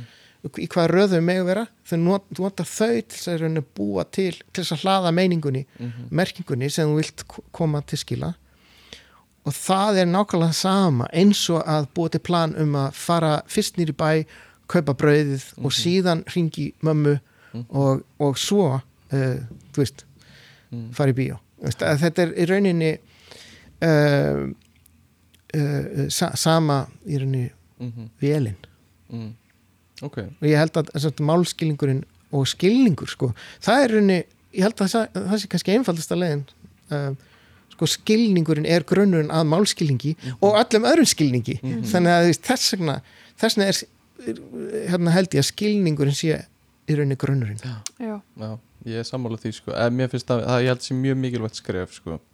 Uh, sko, greindin sem við vorum að tala um áðan sem við hoppuðum svolítið yfir. Þetta er rosa heitt topic greind. Um, þetta í fyrsta lagi er þetta heitt topic fyrir manneskjur að hérna að flokka aðrar manneskjur eftir greind. Uh, það er erfitt að meta þetta þetta er flóki hugtak og það, fólk sem hefur skrifað um þetta hefur oft oft verið bara hérna, hefur ekki verið tekið vel í vísindarsamfélaginu og eitthvað svona því þetta er bara, það er erfitt að snerta þetta. Um, og þetta tengist líka oft fyrir að- segja að aðrir hópar með einhverju svona generalizationum að aðrir hópar hafi öðruvísi greind en, en hinnir og hérna þetta er mjög erfitt. En hérna þú veist, manni finnst einhvern veginn að greind sé á einhverju rófi eins og meðvitund. Og hérna uh, hvað er lítil greind? Er það lítill skilningur og lítill, lítill hæfileiki til að aðlagast umhverfunu sínu?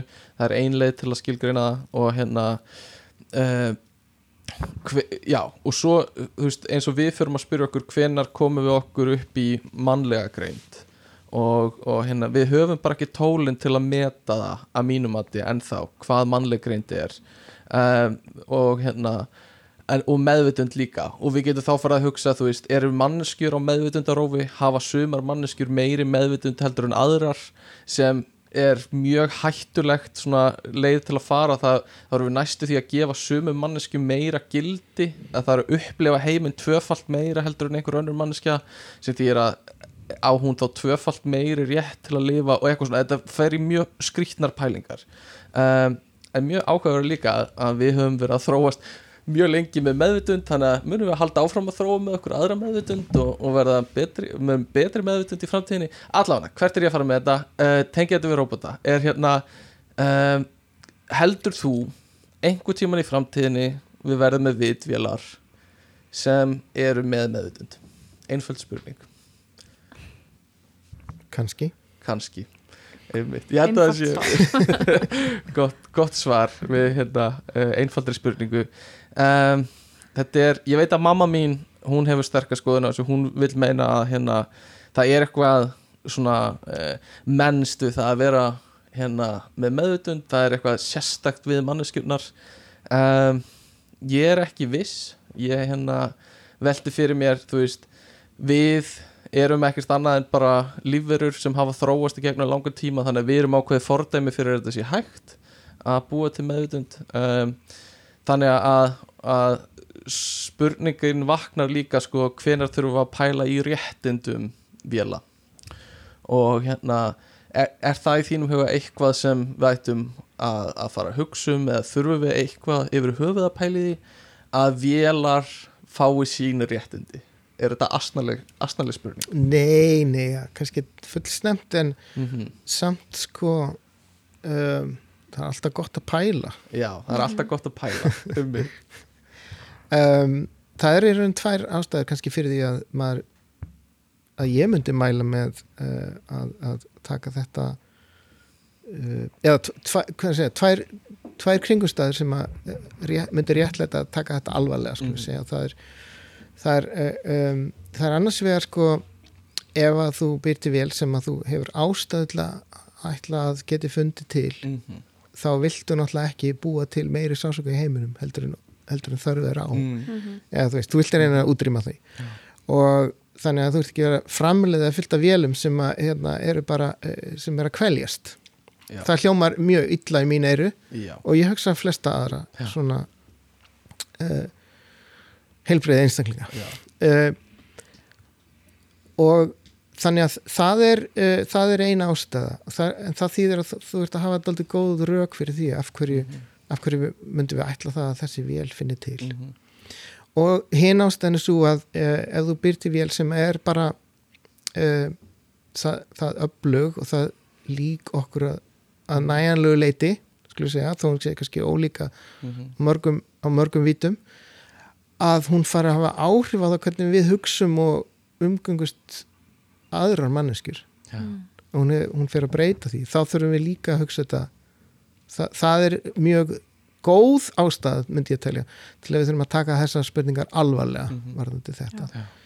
uh, og það er kannski uh, sko, kannski væri svarið uh, já við, við erum bara að gefa þessum velmennum réttindi Mhm. á, á við mannesku vegna þess að annars sjáum við fram á bara já, eitthvað hræðilega útkomu, skulum við segja um, ég, og svo er náttúrulega það- hitt sko að, að það er ekki nægilega margir félagsfræðingar og heimsbyggingar og sálfræðingar sem er í rauninu að hérna með nógu öflug verkfæri segja, og nógu djúpa þekkingu til þess að rauninni kannski svara þessum spurningum yfir höfuð Nei. og þá náttúrulega þá er náttúrulega fjandinn laus í Já. rauninni ef þú getur ekki tekið upplýstar ákvarðanir um svona hluti og verður svona já, að gera þetta jafnóðum og, og, og improvisu, það er kannski ekki rosalega góð stað að vera í. Og það er þá kannski þá rauk fyrir því að byrja að tala um þetta fyrr fyrir kannan einmitt. við höfum brent okkur ásáður að halda að, að lífverur sem sem hafa tilfinningar og finna fyrir sásöka að við höldum því fram að gera það ekki. Og við höfum brent okkur á því. Þannig að, bara hérna, með dýr með aðra Mhm. kynþætti með, Mhm, mhm. með hérna, líka bara unga börn. Þau voru ekki deyfið til lengi vel að því að var talið að, þau hefði ekki fyndi ekki fyrir sásöka mm þannig að það eru alls konar svona sem við höfum brent okkur á. Sko, ég er með svo mikið af pælingum sem er langar að ræða en, en tíminn er kannski alveg að hlaupa frá okkur. Mhm. þannig að- að við förum bara að svona færa okkur yfir í, í svona síðustu pælingar. Og uh, við langar að tala um uh, svona vinnur og vinnur sem hafa fólk sem hefur mist vinnur og glata vinnum uh, í gegnum róbota um, ég held að, að, að það sé eitthvað sem kannski við, við þurfum ekki að cover í þessum þætti. Um, en mér langar líka að tala um mér langar frekar að tala um sko vopn. Mhm. og, og hérna þetta er náttúrulega svolítið hérna svona topical akkurat núna uh, með stríði í Úkrænu en hérna er ekki bara mikil hætta og, og mikil áhætta á þróun vélmenna uh, sérstaklega þegar kemur á stríði og stríðsrekstri. Uh, af því uh, núna eru notaðar sjálfvirkar eldflugar sem leita upp í skotmörkin sín og, og tækni er notið í mjög neikvæðan bara tilgangi sem er alltaf mjög slæmt að sjá. En ef við erum að fara að sjá róbota sem eru að taka sínar eigin ákvarðanir í stríði og hver ber ábyrð á dauðum þúsundamanna og mér manni finnst eitthvað rámt við að, að fólk sé að láta lífið um, og það er kannski engin bakviða í rauninni, bara einhver vél þannig að hérna uh, heldur þú og, og hefur svona einhverju sín á það hvernig stríðstrekstur mun nota róbota í framtíðinni og mér finnst þetta svolítið óhjákvæmilegt að þetta verði stórt og mjög stórt vandamál sko. Að það eru bara sendi róbotar inn, inn í bæi og borgir og hérna fólki er bara, já, bara lát, já, ég veit ekki hvað maður að segja bara hérna kasta fyrir lest sko svolítið. Hefur þú skoðan á þessu, kasta fyrir vel kasta fyrir vél? Já, já. já, já, ég, ég held að sé alveg full ástæð til þess að ágjöra þessu. Mm og ég held að sé full ástæð til þess að Ísland taki bara skýra afstöðu í þessu máli. Og uh, það er náttúrulega uh, það er þegar tilburðir í ýmsar áttir Mhm. með þessi mál. Um, við höfum fordæmi fyrir því að, að, að banna ákveðna tegundir vopna uh, efnavopn til dæmis uh, og náttúrulega eru með hafa verið þróðu kerfi til þess að hafa halda utanum og halda í skefjum í rauninu uh, kjarnorku vopnum og kjarnorkuvopnum er náttúrulega aldrei spesa því þau hafa svona innbyggða sko innlega vörn að því að um, þau eru, að því að þetta eru geriðingavopn þá einhvern veginn svona það er en samt Mhm. uh, maður veit aldrei hvað einhver uh, einhver, vitfyrringur gerir akkurat. Algjörlega. Um, og þannig að það þarf að hafa stjórn að það þarf að- við þurfum í raunin hafa, við þurfum því miður að eigða töluverðum tími að búa til kerfi sem að, sem að halda utanum og halda í skefjum svona, svona þróun. Mm e, e, ég held að nærtakast að kannski dæmið séu þessi efnavopn og mm Mhm. þær, þau lög, all, alþjóðlög sem hafa verið Einmitt. hérna sett og, og verið ganga ágætlega Mhm. að halda um, að við erum að færa það bara yfir á í rauninni uh, vélminni Já. uh, vélvætt, hérna, uh, vopnvætt vélminni já, um, og þá erum við kannski fyrst og fremst að tala um ekki fjárstýrða dróna, ég held að það sé bara of seint að fara eitthvað að grípi mm grípa inn í þar. Mhm. uh, en það er þá fyrst og fremst sko sjálfstæð ákvörðanataka algjörlega. Ég er mjög sammála því. það, það virkar uh, það er alveg algjör horror uh, hugsa f- um framtíð þar sem það er Mhm. við líði sko bara á neitt eða einn hátt sko.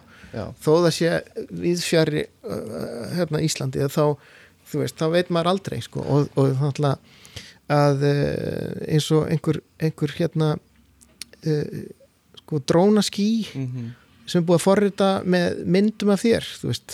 100% allt í hennu bara, og svo er einhver gaur út í bæ sem er með svipa skegg og þú allt í hennu liggur hann í valnum. Já, Þú veist, þetta er það svo- einn möguleiki. þetta er Mhm. svo nálægt í að geta gerst. Mhm. Mér finnst líka bara svo hræðileg tilhúsun að það er engin, ég veit ekki, sem ber ábyrð á manneski sem deyr í stríði að, að það er hægt að fela sig bak við sjálfvirka ákvarðan töku vela mér finnst það bara svo það er, gerir þetta svo ómannúðlegt og ómannlegt einhvern veginn að láta lífið af hendi og það ber engin fulla ábyrð á því. Og hérna, og það er ekki hægt að benda á neitt sem, sem segir einhverjum að taka ákvörðun heldur gerir vél það út af einhverjum algoritmum og eitthvað svona, mér finnst það svo óhugnalegt að hérna að hvað þetta er orðið langt frá manneskjunni að hérna að drepa og, og framkvæma í rauninni morð í stríði Mhm. bara með því að hafa sjálfvirkni í morðvélum sko þannig að, að hérna, ég held að þetta sé mjög hættuleg brekka sem við erum getið fyrir að renna niður bráðum sko. Mhm. uh, smá dáner í lokin Já, kannski svona En það er alveg, sko, það eru samtök uh, hérna, Campaign to Stop Killer Robots sem er, eru mjög öflug. Og þetta hljómar eins og bara eitthvað joke en þetta er alls ekki þetta er joke alvöru, sko, og þetta er bara núna. Algjörlega Já. sko. og ég bara hvet fólk til að kynna sér það eða hefur uh, hérna, áhyggjur að þessu. Af því að þið geta lagt þessum samtökum og öðrum lið með, og, og látið hérna, heyri í okkur sko, á alþjóðu vettvangi ekki bara í Evrópu en, en sérstaklega í Evrópu er náttúrulega nærtakast Einmitt. um, þannig að já uh, það er, það er ekki eins og við þurfum bara að sitja og, og, og býða og vona. Nei, nei, við, það er hægt að gera eitthvað í þessu. Einmitt, einmitt. kannski svona í blálókin við tölum svolítið um ryksu róbota hvaða róbot heldur að sé næst inn á heimilið eða svona pælum framtíðinni. Það er ekki sko gerfigreindi ískápurinn sem að ég, ég, ég held sér búin að fara í svona 20 viðtal út af og er hvergi sjáanlegur ennþá. Spálíkunum hvað þú kaup í matinn? Og var það eitthvað svona já ég spurði alltaf bara já, og, og hvað ætlar að tala við þann, þann ískáp um veist, og það var svona og það voru margir náttúrulega framleiðendur voru byrjar að setja skjái og alls konar svona græjur, Mhm. myndavíl sem snýr inn og svona. Og auðvitað að gera margt skemmtlegt og, og, og, ég meina. En sko þar maður virkilega sko hal 9000 í, í ískápsfyrðinni þú veist, það er svona ég væri til í sko róbótar sem hengir upp þvo- sokka úr þvottunum og parar saman sokka. Sérstaklega sokkaflokkara. Möndur þú sætta við að þessi sokkar væri úr sérstöku efni og að fylgdu með robotir Já, eh, Einmitt. Uh, með svona mikroflugur. Nei það er alveg pæling, margir vilja meina að mikroflugur eru að koma í fötun okkar á næstunni og snjalltæki út um allt, internet of things verður alls þar uh, þannig að það gæti alveg verið. Ég veit ekki hvað, já, næsta vélmennin og heimili. Uh, ég held að sé einhver, eitthvað framhald af, af svona Google Home dóti, ég held sko já, sko í rauninni Mér vantar engan, ekkert vélminni, mér vantar bara betri ríksuguróbot, sko, Já. fyrir þetta verð sem ég er tilbúin að borga, sem er nú þegar Já. svona, er mann er rosa fyrst að daldi, daldi blóðugt, sko. Já, þetta er ekki hundur á skallin sko, allavega Já, og Algjörlega. hérna, Fjárfesting. get, get, getum við ekki fengið aðeins betri róbot fyrir þetta, Já. sko, verð. Það væri svona á, efst á mínum óskalista, sko. Mhm. Já, Um, þannig að það er betri ríksuguróbot Já, ég held það, sko. kannski vélmenn sem gæludýr það er líka möguleiki fram, framhald af Já. þeim Já, um, en hérna það var, ég væri til í að spjalla við þig miklu lengur ég er bara hálnaði með það sem ég var skrifað en, en hérna, ég held að við höfum tæklað það besta og mesta og hérna, vil þakka þið bara kærlega fyrir komuna takk fyrir bjóður. er Er- eitthvað, já er eitthvað, Já, er eitthvað sem þú vilt hérna, koma framfæri? Hvað sem þú vilt? eitthvað bæta við að lokum Nei, bara skemmti ykkur vel. já, Það ekki? skemmti ykkur vel, ég held að það sé góð loka orð og hérna, við segjum bara bless í dag Takk, takk Takk.